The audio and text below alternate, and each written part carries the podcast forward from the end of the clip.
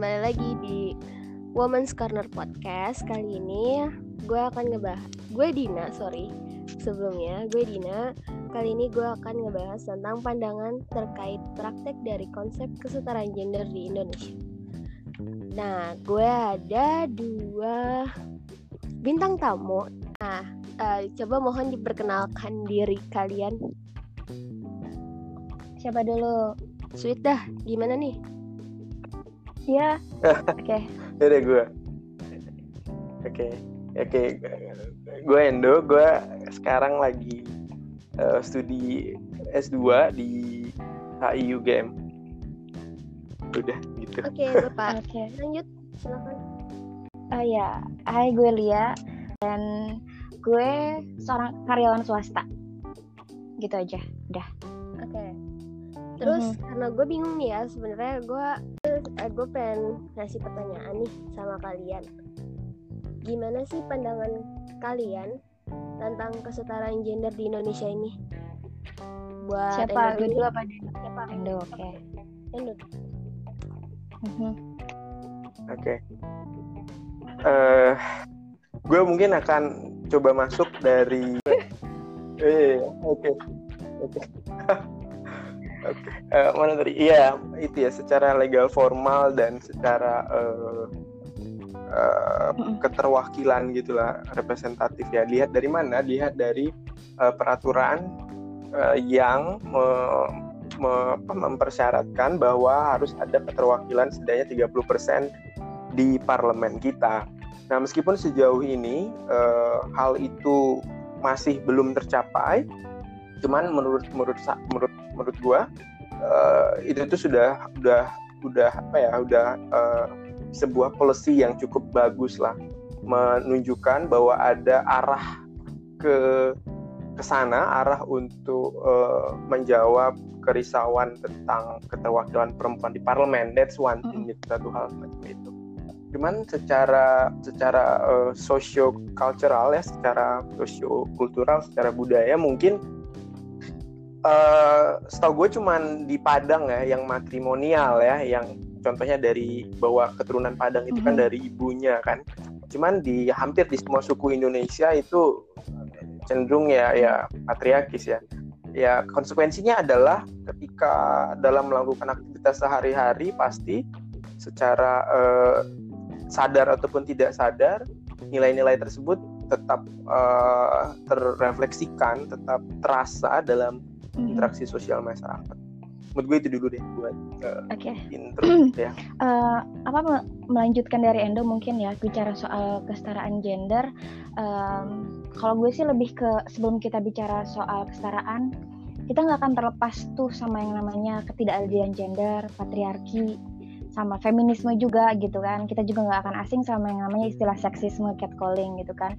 Itu kayak disebabkan oleh stereotype atau juga bisa menciptakan stereotype baru terhadap peran-peran sosial berdasarkan jenis uh, kelamin gitu Nah, uh, sebelum gue ngebahas soal ketidak apa soal kesetaraan gender itu, kemarin gue kayak ada sesuatu hal yang emang sedikit mengganggu sih gitu kan. Uh, gue secara personal dan gue juga ternyata melihat reaksi dari teman-teman uh, teman-teman aktivis dan juga uh, aktivis feminis gitu, itu pernyataan dari Bapak Mahfud MD waktu beliau menghadiri acara halal bihalal di UNS pada 26 Mei kemarin. Jadi beliau tuh bilang kayak uh, Corona is like your wife in easily you you try to control it then you realize that you cannot uh, then you learn to live with it gitu. Kayak karena itu kayak istri lu dengan mudah lu coba ngontrol saat lu sadar kalau lo nggak bisa lu belajar hidup sama dia nah menurut gue ini sebuah pernyataan seksis gitu dari seorang yang memang punya pengaruh besar dalam pemerintahan gitu. Uh, lu kebayang nggak sih Indonesia akan menjadi apa ketika kita bicara soal kesetaraan tapi ternyata dalam uh, kasus kasus corona ini gitu kan uh, masih ada istilah seksis gitu.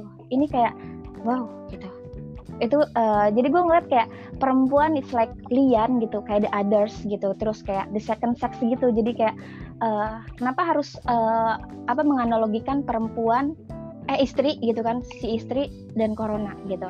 Nah terus karena memang kita bicara kesetaraan gender berarti kita bicara soal uh, kesempatan yang sama antara perempuan dan laki-laki, terus juga uh, kesetaraan terkait akses yang dimiliki perempuan. Sementara kondisi-kondisi perempuan itu um, khususnya di Indonesia uh, yang aku lihat itu data BPS ta tahun 2018 2018 kalau nggak salah itu ada sekitar 11,2 persen perempuan menikah di bawah umur itu yang berarti dia dalam usia produktif dia itu uh, harus disibukkan dengan urusan-urusan domestik urusan rumah tangga pada akhirnya dia uh, tergantung ekonomi kepada suami dan si laki-laki lah yang apa, pemegang peran finansial gitu.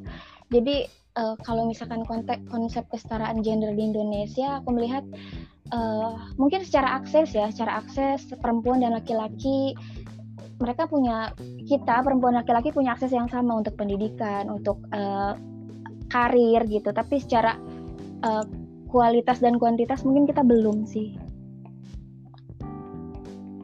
Itu sih pandangan aku ya. Oke. Okay. uh, eh, terus bicara kesetaraan gender kesetaraan mm kan ada ketidakadilan uh, ketidakadilannya kan? Mm nah pandangan pandangan ketidakadilan itu uh, menurut lo berdua kayak gimana? Ketidakadilan gender ya? Siapa dulu, Endo? uh, Oke, okay, uh, eh, sama tetap tadi berangkat dari uh, pernyataan gue sebelumnya. Uh, gender inequality itu secara teori itu bisa dilihat dari dua uh, dimensi. Yang pertama dari dimensi ekonomi, ekonomi politiknya. Yang kedua dari dimensi uh, culturalnya, social justice, keadilan sosialnya uh, ada dua juga uh, perspektif pendekatan bagaimana untuk mengatasi masalah di dua dimensi itu. Yang pertama, persoalan rekognisi itu tadi untuk menyelesaikan kasus-kasus di sosial justice, bagaimana kita merekognisi, kita menyadari peran perempuan di dalam sebuah struktur sosial sehingga tercipta sebuah sistem keadilan. Tentu kita bisa berdebat keadilan semacam apa yang diinginkan, apa bentuk-bentuk konkret dari keadilan itu. Uh, terus uh, jalan yang kedua yang bisa ditempuh untuk mengatasi dimensi ekonomi itu adalah redistribusi. Bagaimana perempuan itu juga mendapatkan akses untuk uh, let's say akses uh, financing, misalnya mereka boleh uh, mengajukan pinjaman, soft loan atau macam itu. Nah, uh, dari hal-hal yang dari pendekatan-pendekatan uh, yang gue bilang tadi, uh, sebenarnya hal di lapangan pada praktiknya itu tidak tidak sejelas hmm. yang gue bilang gitu tidak sejelas. Mereka itu sangat kompleks dan dan saling bertaut satu dengan lainnya gitu kan. Nah sebenarnya balik lagi uh, ini harus di, di, di, dilihat secara uh, lokal konteks gitu. Harus ada konteks yang melingkupinya gitu. Apa sih sebenarnya yang kita kita maksud dengan justice apa sih sebenarnya yang kita maksud dengan tadi redistribusi rekognisi itu apa? Di society itu tuh apa sebenarnya yang diperlukan terlebih dulu gitu? Kita nggak bisa justice Indonesia secara umum. No sangat sulit sekali untuk mencari silver silver lining benang merah dari permasalahan gender di Indonesia. Seperti gue bilang tadi kan di Padang mungkin udah nggak ada isu namanya gender. Atau di beberapa daerah lain gue nggak terlalu pasti tahu banget. Misalnya di beberapa suku lain di Indonesia mungkin aha, uh, gender itu sudah sudah fine fine aja gitu misalnya uh, gitu gitu itu, itu yang kita menjadi bias yang yang yang selalu akan hadir ketika kita membicarakan uh, konteks keadilan dan kesetaraan itu tadi dan konteks Indonesia secara umum. Ya, tapi gitu. kalau misalkan yang menjadi contoh yang uh, kamu, kamu bilang itu Endo di Padang gitu. Belum tentu kan ketika kita bicara soal sebuah kultur uh, yang matriarki itu ya uh, dia benar-benar uh, apa namanya adil untuk uh, peran gender itu sendiri. Karena kan kita melihat kita bicara kesetaraan gender bukan cuma perempuan yang menjadi uh, apa yang kita lihat gitu kan tapi laki-laki juga. Karena kan bicara soal perempuan dan laki-laki. Bisa jadi mungkin itu menguntungkan secara untuk perempuan tapi belum tentu menguntungkan laki-laki. Itu sih yang aku lihat ya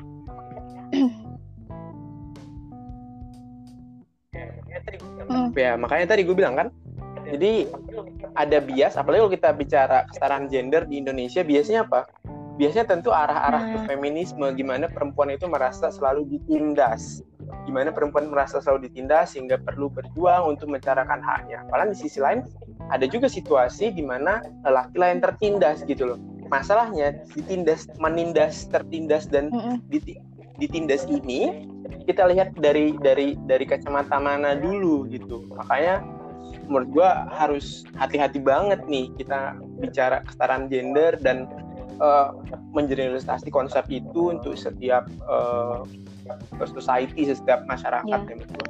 Eh, kalau bicara soal tadi apa eh, ketidakadilan gender ya kalau yang gue lihat sendiri gitu ya atas eh, pengalaman atau mungkin juga sharing-sharing yang yang yang betul yang mau bilang kita nggak bisa mengeneralisir gitu. Mungkin eh, umum menurut gue belum tentu umum menurut orang lain gitu kan. karena kita kan nggak pernah tahu gitu kan kondisi-kondisi yang secara yang yang realnya itu kayak gimana. Tapi eh, kalau misalkan ketidakadilan gender itu kayak sebenarnya gini ada beberapa hal yang terjadi stereotype marginalis- marginalisasi.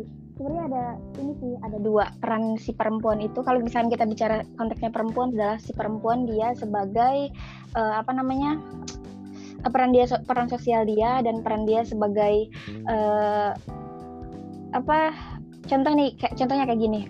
Dia adalah seorang eh, seorang perempuan dia punya suami eh, dan dia sebagai wanita karir di rumah peran dia adalah seorang istri atau seorang ibu gitu kan. Nah di luar dia adalah seorang wanita karir yang memang dia punya lingkup eh, mungkin jaringannya luas. Di sini ada beban ganda. Nah itu eh, menurut menurut gue tuh salah satu adalah bentuk dari ketidakadilan gender itu sendiri. Ada beban ganda terhadap perempuan terus ada juga yang namanya apa eh stereotype terhadap perempuan gitu. Terus juga eh gue lupa sih ada beberapa hal sekitar kalau nggak salah ada lima jenis mungkin lu inget nggak sih Cie yang waktu kita pernah diskusiin bareng waktu di kantor dulu itu yang soal gender itu cuman gue udah lupa cuman yang gue inget adalah ketika si perempuan itu eh, mengalami setidaknya lima jenis ketidakadilan gender Hmm. beban ganda ya. Ya betul kekerasan. Oh iya betul kekerasan.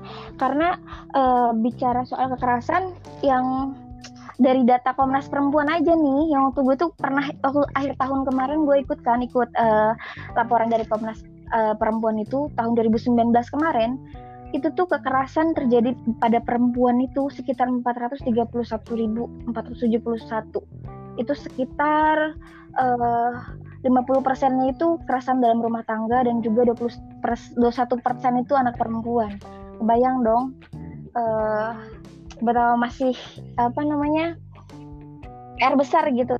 Bicara soal ketidakadilan gender khususnya untuk perempuan ya. Karena tadi kan Endo bilang perempuan merasa pihak. Sebenarnya bukan merasa sih tapi eh, kita nggak bisa menutup mata bahwa kondisi-kondisi ketidakadilan itu memang umumnya mengacu kepada perempuan. Karena kita bicara soal budaya patriarki itu sendiri.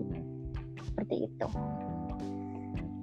Nah, karena lo nyentuhin patriarki ini, apa dia nyentuh nyentuh menyentil menyentil. Nah, gue mau nanya nih, Ah. Eh, kesetaraan gender gak akan jauh dari budaya patriarki, iya dong? Yap. Setuju gak sama pernyataan gue ini? Hmm. Mhm. Terus, Terus? menurut gimana? Iya dilanjut ibu. Menurut oh ya, terus terus siapa korban dari budaya patriarki ini? Terus jelasin contohnya juga, eh, kasih gue contohnya juga. Maaf ya guys. Oke, Oke. Mau Siapa dulu? ulang Lagi? enggak sih? Gue udah oke. Gimana Endo? Oh, gimana tadi coba ulangin lagi gue agak uh, miss menurut gitu menurut lo nih siapa korban dari budaya patriarki itu nah sama jelasin juga contohnya gitu mulai dari lo dulu tuh oke Eh, kalau korban oke Sima duluan bingung kan gue Oh, siapa Pak Endo. ya udah udah siapa duluan Gue. dia duluan. Oh ya udah. kalau menurut gue sih korban dari budaya patriarki itu dua-duanya ya, laki-laki dan perempuan. Kenapa? Karena lu uh, bicara soal satu misalkan contohnya seksis nih. Uh, menurut gue kayak misalkan perempuan uh, yang menjadi pernyataan seks itu kan diskriminasi berdasarkan jenis kelamin ya. Terus misalkan uh, lu sebagai perempuan, lu jangan, lu kan perempuan nggak usah deh ngangkat galon berat, lu nggak kuat gitu. Kenapa ketidakkekuatan mengangkat galon itu uh, diidentifikasikan sebagai perempuan? Padahal bisa jadi laki-laki juga enggak atau enggak uh, laki-laki juga dirugikan ketika bicara soal lu cowok nggak boleh nangis nah kan padahal laki-laki juga manusia gitu kan boleh nangis. Tapi laki-laki harus kuat gitu. Terus juga uh, yang gue lihat juga kenapa kedua belah pihak kalau misalkan secara perempuan secara general ya udah contoh-contohnya mungkin lu juga udah nggak terlalu asing ya udah banyak gitu kan. Uh, terus kalau misalkan laki-laki dalam hal misalkan tanggung jawab misalkan dalam pernikahan tanggung jawab dalam sebuah pernikahan itu kenapa terkesan laki-laki itu menjadi sebuah apa uh, dia akan memiliki beban yang lebih berat gitu. Kalau misalkan dalam Islam pun kayak laki-laki itu harus menafkahi istri secara lahir dan batin gitu. Padahal konsep yang gue lihat bahwa terus akhirnya banyak laki-laki yang gue uh, ini dari lingkungan gue sendiri gitu ya. Mereka merasa takut uh, maksudnya kayak nggak berani menikah gitu sebelum dia mapan. Karena gue harus nafkain anak orang loh. Padahal kan yang gue lihat sebenarnya dalam sebuah rumah tangga itu kan pembagian peran antara perempuan dan laki-laki gitu. Nggak sepenuhnya beban itu dijatuhin ke laki-laki walaupun secara finansial gitu. Bisa lah pembagian peran. Terus ya gue juga waktu itu pernah baca di jurnal perempuan kayak uh, beliau itu pimpinan pondok pesantren Dar atau Hid uh, apa sih Arya apa gitu pokoknya oh Arya Winanggung Cirebon. Uh, beliau itu Kiai Haji Hussein Muhammad. Nah beliau ini penulis uh, buku fikih perempuan refleksi Kiai atas wacana agama dan gender. Beliau ini bilang bahwa sebenarnya kami ini kaum laki-laki gitu. Saya dan kaum saya ini adalah korban dari budaya patriarki. Beliau itu membantah kayak uh, laki-laki penguasa atas perempuan. Enggak gitu. Di situ di, beliau mengatakan bahwa perempuan dan laki-laki itu setara. Terus juga uh, beliau men, uh, mengatakan bahwa laki-laki itu adalah korban dari ketidakadilan tradisi patriarki gitu. Uh, karena yang itu tadi kenapa beban dalam uh, dalam hal uh, let's say dalam hal finansial ya. Kenapa laki-laki harus bertanggung jawab sepenuhnya kepada perempuan gitu. Padahal kan bisa aja gitu, itu bisa dijadikan apa pembagian peran yang jelas aja karena itu kan rumah tangga dua orang yang memang uh, menjalin sebuah ikatan gitu. Dan mereka sebenarnya harus ada diskusi di situ. Misalkan uh, contoh perempuan uh, si suaminya sewa rumah, si istrinya misalkan bayar listriknya atau apa gitu. Sebenarnya itu bisa karena kan konteksnya adalah kerjasama gitu gotong royong. Nah itu uh, gue ngelihat dari perspektif laki-laki dia adalah korban gitu. Nah kalau misalkan kayak perempuan nih, contoh misalkan uh, ketika kita ada stereotype dan juga uh, stereotype ya untuk perempuan kayak per, gue punya temen dia kakak kelas gue sekitar udah berapa belas tahun gak ketemu dia ketemu pas gara-gara gue ngubungin di Facebook dan dia cerita kondisi hidupnya. Dia nikah muda dia itu perempuan kan emangnya nggak nggak ide maksudnya nggak dianggap nggak umum ketika dia hobi motor-motor gede terus dia ngebengkel ya kan? Dia itu perempuan dia usaha bengkel kerjanya tuh dari jam 11 malam sampai subuh gitu. Terus dia pulang ke rumah dan uh, secara finansial dia adalah uh, penanggung jawab ekonomi keluarga. Mulai dari ibu bapaknya kakaknya dia dia yang support setiap, setiap bulan gitu.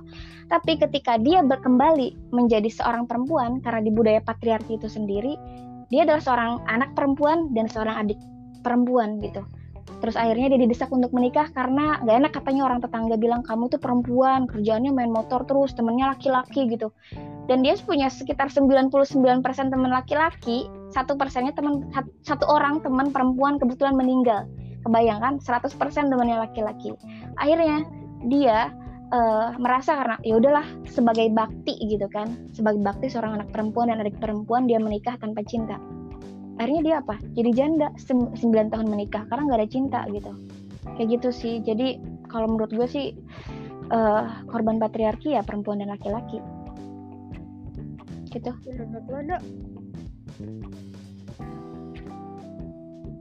Udah wah udah Lia udah ngasih contoh banyak banget ya. Gue mungkin agak baik lagi ke, ke belakang dikit. Ya gue gue setuju masalah korbannya laki-laki dan perempuan kan di HI kan ada teori perdamaian dia. Ada gimana kita mengidentifikasi kekerasan kekerasan kekerasan ada kekerasan langsung yang pakai kekerasan fisik gitu ya pukul apa segala macam. Ada kekerasan stru- struktural itu masalah kemiskinan bagaimana orang-orang miskin gak dapat akses ada kekerasan kultural.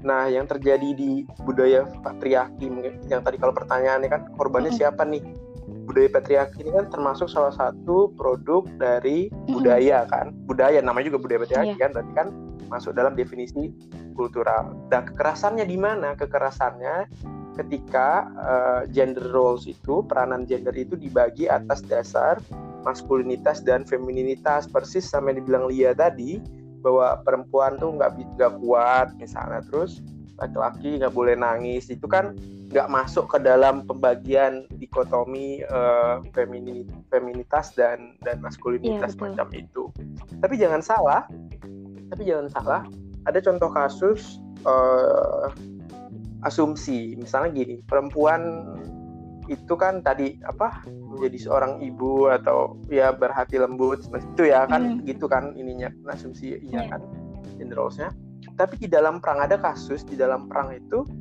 eh, per- peran perempuan di dalam perang. Kasusnya eh, sorry di El Salvador dan di Vietnam ya waktu itu perang lawan Amerika dan El Salvador tuh lupa. Nah ternyata peran perempuan di dua perang itu tuh berbeda. Di Vietnam memang ada kecenderungan mereka bukan menggunakan ya gue gimana sih bahasanya ya dia mereka terlibat dalam peperangan itu sebagai eh, mata-mata let's say. Jadi misalnya perempuan dikirim dulu kan nggak dicurigai tuh sama Hmm. Amerika kan jadi sebagai mata-mata gitu kan.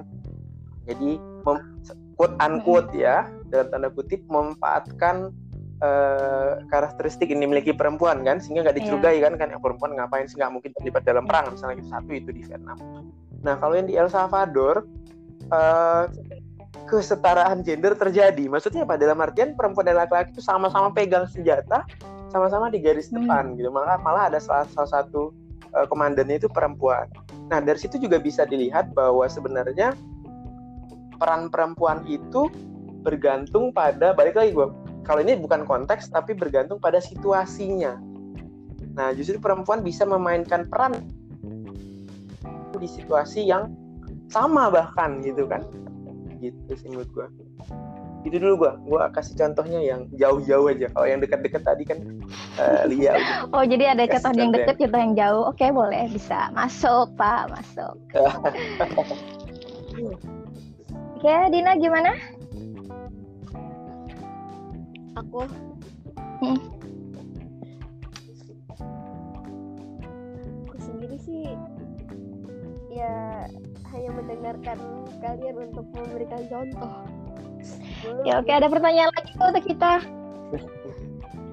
Nah, pandangan pandangan lo berdua tentang akses pendidikan dan pekerjaan terhadap perempuan.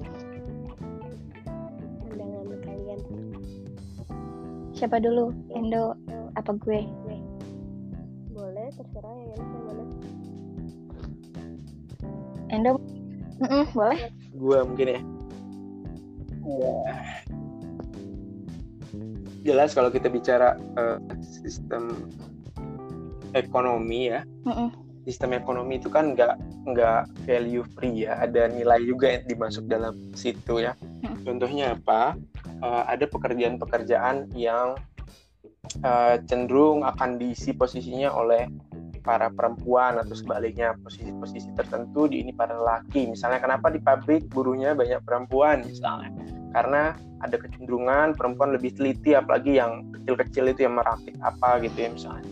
Sedangkan di jajaran eh, manajerial itu banyak laki-laki jadi CEO dan segala macam. Jadi dari situ kita bisa lihat juga dalam struktur ekonomi pun ada nilai-nilai budaya yang juga masuk. Kalau lu tanya tadi eh, masalah kesempatan untuk eh, apa mendapatkan pekerjaan itu dari salah satu eh, jawabannya. Cuman kalau dalam mengakses pendidikan eh, eh, mungkin itu lebih sangat-sangat kultural seperti yang telah dicontohkan Alia tadi banyak juga. Menurut gue kayak uh, banyak kan kita selalu yang umum didengar adalah kayak ngapain sekolah tinggi tinggi perempuan nanti di dapur atau dapur atau ketinggian nanti nggak ada yang mau. Hmm, atau nggak ada yang mau nanti bahkan kalau terlalu pinter nanti iya. laki-lakinya nggak ada yang mau karena lu ketinggian sekolahnya iya betul. Itu terjadi umum banget. Lebih ke lebih, iya itu lebih ke ke budayanya kelihatan banget kalau di pendidikan. Tapi kalau masalah akses akses secara umumnya nggak ada ya. Di Indonesia kan nggak ada tuh membatas-batasi hmm.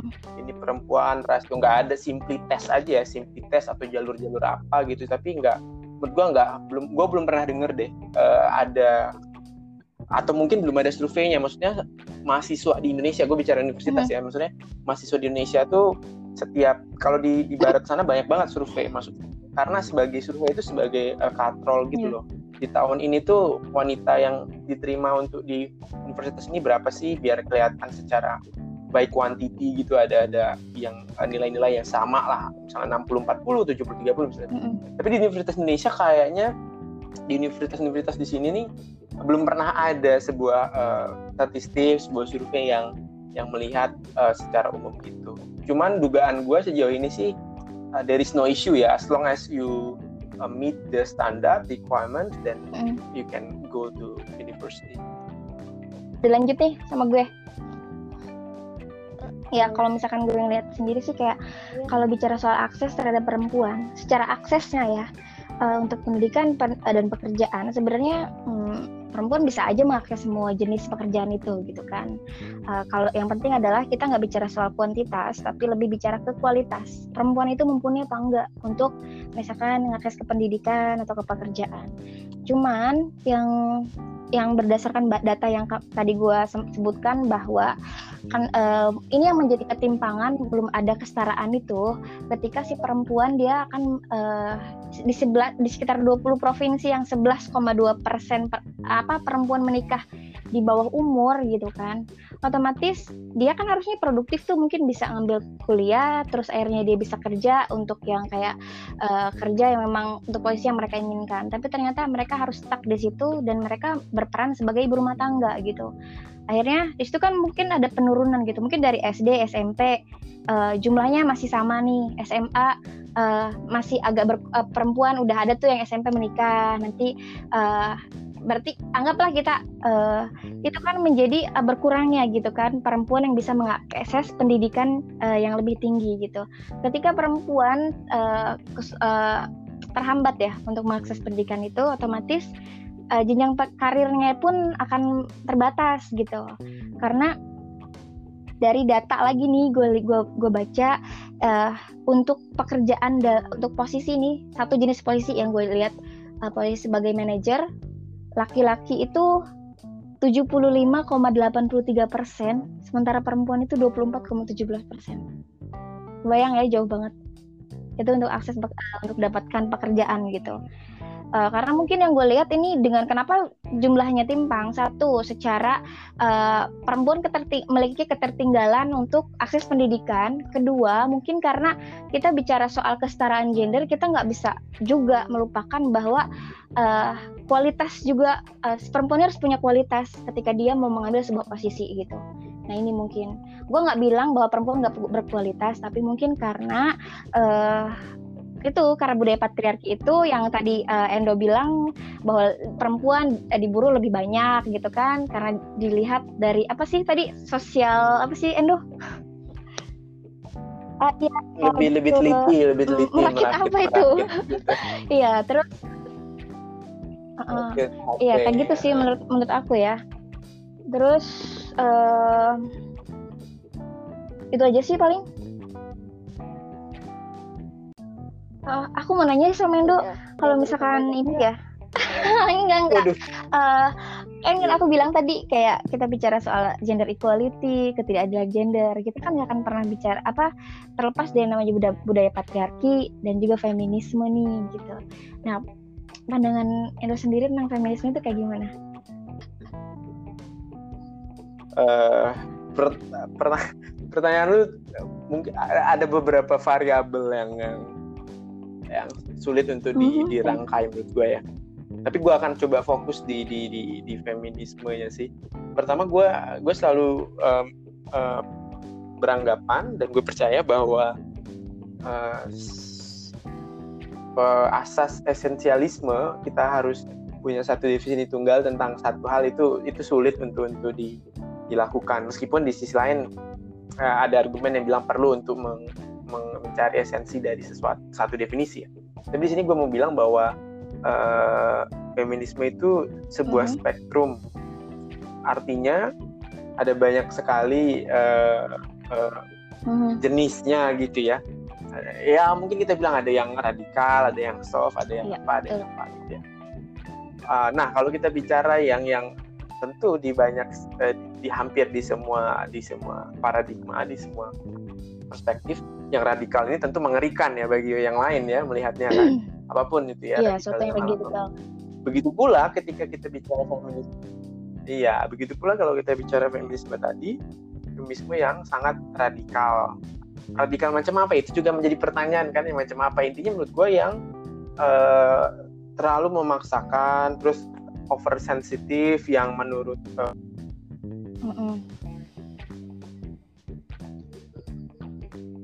aja, tapi menurutnya, Wah, Uh, misalnya ya, misalnya, misalnya gini, uh, mungkin menurut feminisme radikal uh, adanya gerbong khusus perempuan di KRL mm-hmm. itu sebuah bentuk perendahan martabat perempuan juga, ya kan?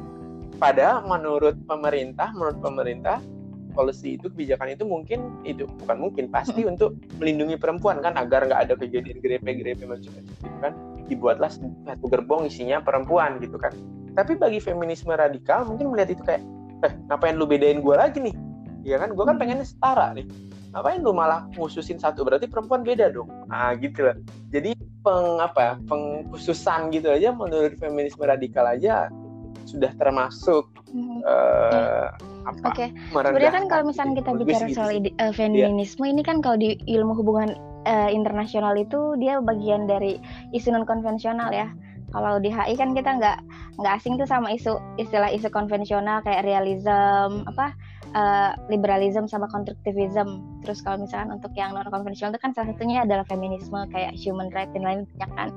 Nah, uh, iya kalau misalkan bicara soal radikal, tapi kan kalau misalkan yang melihat dari gambaran nih kayak itu kan uh, simbolnya adalah sebuah pergerakan kan untuk pembebasan perempuan dari segala bentuk uh, apa sih penindasan, diskriminasi, kekerasan, ketidakadilan uh, dalam segala banyak dan segala aspek kehidupan. Tapi sebenarnya uh, ada yang lebih umum lagi bahwa uh, feminisme adalah sebuah uh, bentuk apa sih gerakan uh, bagi ketidakadilan terhadap perempuan dan laki-laki juga gitu.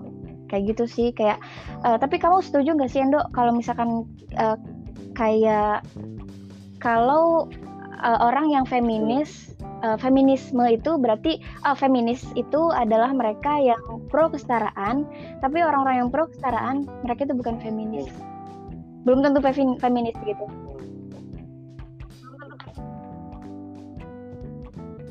Oke oke.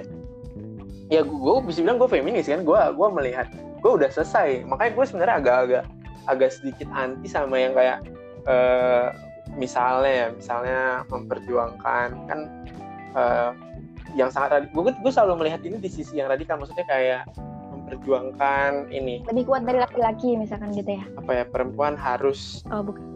misalnya no no no no no oh isu isu isu isu inilah. Uh, eh, LGBTQ misalnya ya. Misalnya isu LGBT kan ada isu isu mm. lesbian ya. Sisanya gue nggak bahas nih mana lesbiannya misalnya itu kan itu kan menurut kaum feminis kan ya apa salahnya mengekspresikan yeah. cinta sesama ini kan sesama uh, wanita gitu kan. Cuman menurut gue gue gue gue sampai gue selalu mikir kayak anjir di Indonesia nih kapan tuh lu harus merontokkan dan merobohkan norma-norma yang segitu kuat di Indonesia mm-hmm. sampai hal itu bisa uh, diwujudkan gitu loh. Itu menurut gue yang kayak I don't see the point gitu loh kayak. Iya mungkin itu terlalu jauh lah gitu. Coba yang dikit-dikit tadi masalah akses. Dikit-dikit tadi tuh bukan dikit-dikit gue merendahkan nilai no. Maksud gue dikit-dikit itu di ranah uh, policy design di ranah uh, perumusan kebijakan. Maksudnya ketika misalnya gini ya, ketika pemerintah membuat sebuah kebijakan, apakah sudah memperhatikan elemen gender. Maksudnya apa? Misalnya gini, air, akses air bersih. Akses air bersih itu penting untuk satu komunitas. Mm-hmm. Kenapa? Karena yang biasanya ngambil air adalah perempuan, ya kan? Kalau akses air bersih itu tidak diberikan di komunitas itu misalnya ibu-ibu dengan ibu-ibu ibu mm. ibu harus mengambil air untuk keluarganya itu jalan 5 kilo misalnya. Waktunya udah udah ini banget dong, udah kepotong hmm. untuk ngambil air. Bayangkan ketika ada sumber air itu ada di desanya. Nah kayak gitu-gitu kan elemen gender yang harus diperhatikan gitu. Yeah, yeah. Bukan berarti loh, kenapa perempuan yang harus ngambil air? No, no, no, that's not the debate gitu loh. Bukan ikan itu fokusnya, tapi fokusnya gimana harus bikin sumber air itu dekat di desa itu. Kenapa? Oh agar perempuannya nanti ngambil airnya nggak butuh waktu satu jam karena harus jalan kaki 5 kilo tapi cuman cuman 10 menit terus waktu 50 menit lainnya bisa dilakukan untuk hal-hal lain bisa bikin ikut uh, workshop apa pada segala macam. Nah gitu kan iya. kebijakan-kebijakan yang melihat uh, elemen gender gitu misalnya atau masalah kebijakan kesehatan.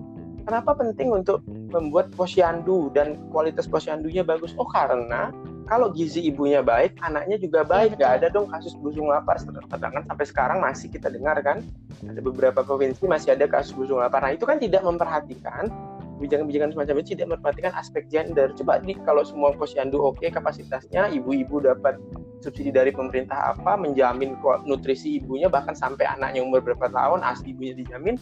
Nah itu kan juga memperhatikan ini perspektif gender. Nah menurut gua di situlah uh, arena of struggles-nya yang yang yang bisa dieksekusi mm. daripada yang tadi harus legalkan same sex marriage gitu. Menurut gua ya yeah, that's okay gitu, but it's a long fight gitu. Mending kita we need to hmm. kalau teori perang kan uh, we need to win small fight before we win the war gitu loh kita harus menangkan hmm. pertarungan yeah. yang kecil-kecil dulu uh, sebelum yeah. kita menangkan perang Indo gitu. sih kalau bicara soal uh, apa memperjuangkan tentang LGBTQ plus itu uh, sebuah perjalanan panjang yes I agree. Tapi pada sebenarnya nih kalau misalnya kita lihat dari kondisi-kondisi yang secara uh, di kehidupan sehari-hari sebenarnya itu kita udah terbiasa kok dengan hal itu gitu. Cuman mungkin secara uh, hukumnya aja belum ada uh, apa sih namanya ada payung hukum untuk itu semua gitu. Itu sendiri kan? Sebenarnya sih kita nggak ngebahas masalah uh, patriarki apa mengkampanye hitamkan patriarki uh, terkait apa yang berhubungan dengan tadi yang Indonesia bahas tentang apa uh, kemajuan sebuah negara. Tapi kan kita melihat konsep uh, kesetaraan gender itu sendiri di Indonesia gitu kan. Dan ini kan kita melihat um, kita nggak bisa menutup mata bahwa akarnya itu adalah patriar patriarki gitu kan. Seperti itu Endo. Ya. Ada lagi yang okay. mau ditanyakan untuk uh, lo atau Endo ada yang mau Oke, okay, gini deh. Pertanyaan terakhir ya dari gua yang Insya Allah lu cewek. Berdua, lu kan cewek kan. Nah, gua gua, gua gak bahas gender ya. ya. Gua gak bahas gender ya, cuman gue sebagai cewek gitu ya. iya, bicaranya soal jenis kelamin perempuan gitu kan. Hah? Kita nggak bicara iya oke okay. cewek aja kan yang asik kan nah lu sebagai dulu sebagai, sebagai cewek uh, uh, apa yang lu rasakan ya Allah. tentang perasaan okay. apa yang lu rasakan enggak perasaan dalam dalam situasi itu tadi dalam situasi sekarang gimana lu berdua uh, bisa apa menghadapi atau ya menghadapi lah nggak usah melawan deh menghadapi situasi-situasi di mana lu berdua merasa tertekan. Bukan tertekan secara psikologis ya tapi tertekan secara struktur ini maksud gue. Ya itu tadi misalnya lihat dibilang eh lu nggak boleh ngangkat galon gitu. Okay. gue ini nah apa iya, respon ya, lu Dina dulu gitu? deh ya? Dina biar ngomong. Simple itu nah Dina, Dina. Menurut gue sih lu kan anak-anak gunung tuh din ya gue liat lu kan ini banget kan anak gunung tuh kan gue ajak lah gue aja gunung. belum pernah naik gunung din btw gue sama lu respect banget kan kayak wah kan gunung sehari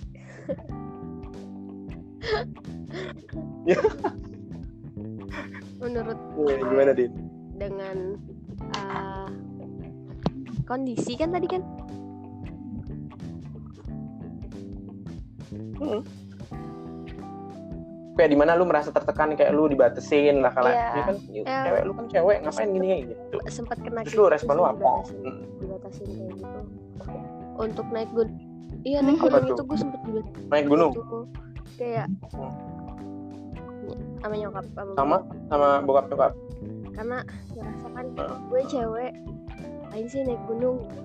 Kan berat banyak terus kayak yang, loh emang kenapa? Apa bedanya tuh apa antara gue sama adik gue yang kebetulan udah lebih dulu naik gunung gitu kan bedanya apa untuk naik gunung itu gue sempet yang gue salah di mana eh, salah di mananya kayak gitu sih sampai nggak dibolehin gitu masuk ke kondisi tertekan kan Kok nangis sih Din? Gue jadi sedih. Udah gue nangis ya Din. iya gue sih ah terus lu gimana din? Terus akhirnya gimana? Terus eh, akhirnya lu gimana? akhirnya lu ya lu gua- ngelawan tuh gue gimana? gitu maksa gue maksa Sampai akhirnya gitu apa? jalan eh, naik gunung Nggak bilang. gue izin.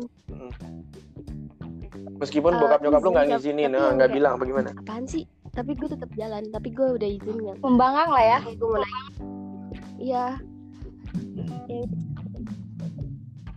terus setelah itu setelah lu balik tuh Iya tetap lu diomelin Akhirnya- apa yang kayak ya udah gue nah, akhirnya pas kemarin gue ke dua kali naik gunung lagi ya udah ngizinin Oke. berarti memang harus ada apa ya jadi rebel dikit lah ya Dina gitu lah. Anak-anak rebel dikit gitu ya ya gue Oke, oke. nurut nurut banget ya Tuh doang yang gue ngerasa Hmm.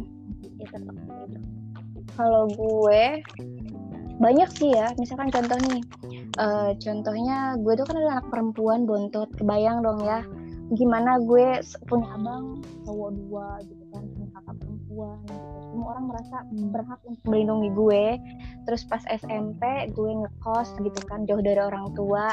Dan eh, gimana gue harus meyakinkan mereka bahwa gue bisa ya dengan gue harus survive gitu saat gue harus dari dari mulai SMP gue jadi orang tua terus pas gue SMA gue waktu kelas 2 SMA tuh gue sempet eh, disuruh berhenti sekolah gitu kan. Eh, terus dan karena gue gini deh perempuan gak usah gak usah sekolah lah kamu itu juga bisa lah ntar di, eh, dijodohin gitu. Gue bilang gue nggak mau gitu. Akhirnya ya udah dengan cara gue nggak gak usah biayain gue sekolah gue bilang. Gue bisa biaya sendiri. Akhirnya gue kerja tuh dari Sabtu Minggu di restoran terus ada sam- apa-apa gitu nyambi apa pun itu gue sambil gue kerja dari SMA kelas 2 tuh. Sampai ada tiga bulan orang tua gue ngeliat eh, gue segitu keras pengen sekolah gitu. Akhirnya ya udah orang tua hidupnya lagi. Dan terus kayak eh, eh, kondisi guru gue makan nih SMA nih gue inget banget. Guru gue kan dekat sama guru sejarah tuh. Waktu kita lagi makan gue ya kamu tuh perempuan kamu gak usah tinggi tinggi ya sekolahnya katanya. Nanti cowok pada takut eh, sama kamu katanya gitu. Eh, gak usah terlalu dominan nanti gitu. Nah saya tuh gue nggak terlalu mendalami feminisme ya cuman gue kenapa gitu. Karena gue anak di Jakarta gue kenal banyak orang gue belajar ya gue cuma membuktikan bahwa dengan lu punya nilai lu harus eh, menjadi perempuan ya lu harus bisa mencapai apa pun gitu. Jadi lu kadang lu mesti cuma butuh jadi ignorant gitu sama pendapat orang lain kan? Apalagi ketika gue sebagai perempuan dengan usia segini belum menikah gitu kan ke keluarga gue dulu juga sering bilang udah kayak udah capek gitu ngomong sama gue udah lah nikah katanya apalagi kan dicari hari mulu katanya emang nikah kapan gitu kan akhirnya sekarang mereka melihat gue ngerti sama hidup gue gitu. Terus sama pilihan gue dan mereka melihat oh ya udah. Sebenarnya kalau misalkan lu dihadapkan sama kondisi patriarki atau yang memang kayak lu merasa tertekan? Yang pasti lu kadang memang harus eh, kayak rebel dikit kayak si Dina gitu ya. Atau mungkin lu kayak lu mesti ngebuktiin bahwa itu cuman eh, butuh waktu aja untuk nunjukin bahwa lu tuh punya akses yang sama punya kualitas yang sama atau mungkin bisa lebih dari eh, mereka gitu aja sih ya begitu Endo Dina. Oke. Udah ada Iya, yang mau udah, ditanyakan lagi sebelum saya tutup eh, pembicaraan hari ini? Silakan silakan Ya. ditutup. Udah udah, Udah, udah. enggak, ini udah, eh satu enggak. lagi dong kalau misalkan ini eh kamu Endo sebagai laki-laki nih ya pernah nggak sih kayak bikin candaan seksis gitu? Atau Oh kalau tanya pernah pernah ya pernah Contoh. banget lah. Masa gue bilang kagak. Gue emang gue suci banget. Tapi gue lagi-lagi gue peka konteks ya, peka konteks dalam artian ya sama-sama temen gue mah eh, santai gitu kan. Kita tahu kan. Meskipun kita nggak tahu hati orang siapa yang tahu ya. Cuman kan pada saat nongkrong bareng-bareng temen yang memang cukup deket gitu ya bercandaannya ya sampai ke mana-mana ya. Termasuk seksis menurut gue cuman ketika menerapkan itu di situasi yang umum gitu kayak apa ya tadi lu sempat mention catcalling gitu-gitu gue rasa itu enggak Tapi lah pernah nggak sih, inilah. di catcallingin sama cewek atau cowok gitu? Anjir. Serius? Pernah deh. Kalau din? Gimana deh, nggak nggak pernah Ya, kalau di catcallingin mah sering kak. gimana din terus dia apa di ditampol nggak orangnya Ah, kalau awal-awal gue takut kalau ke sini sini. Kenapa mas? Gue paling gitu. itu kalau dia nyautin lagi, gue yang panik langsung lari paling. Iya kadang gue juga suka mikir apa gitu ya cowok-cowok gitu misalkan nggak cowok sih cewek juga kadang suka catcalling gitu juga kayak kan sebagai perempuan yang berkerudung tuh kayak assalamualaikum ukti gitu kan di jalan kesel banget. Sebenarnya lu tuh kayak assalamualaikum ya nggak apa-apa gue bajau waalaikumsalam. Tapi konteksnya kalau di jalan lu nggak kenal dengan kayak itu kan bentuk catcalling juga tau. Jadi Endo nih hati-hati ya kalau ada orang jangan assalamualaikum sembarangan ya Endo. Atau ada yang bilang assalamualaikum ahi gitu. gitu sih Oke Din, kalau misalkan nggak ada itu, eh, mungkin Endo ada tanggapan terakhir kayak closing statement gitu? closing statement apa ya? Eh gitu tadi sih. Malah lu pada yang yang harusnya bikin closing statement itu tadi. Harus jadi rebel ya. Karena kan bagi gue kan gimana nih? Gue sebagai kaum yang menindaskan Mm-mm. mana kaum kaum kaum yang menindas? menindas? gimana? Gue harus ngapain? Gue juga bingung kan?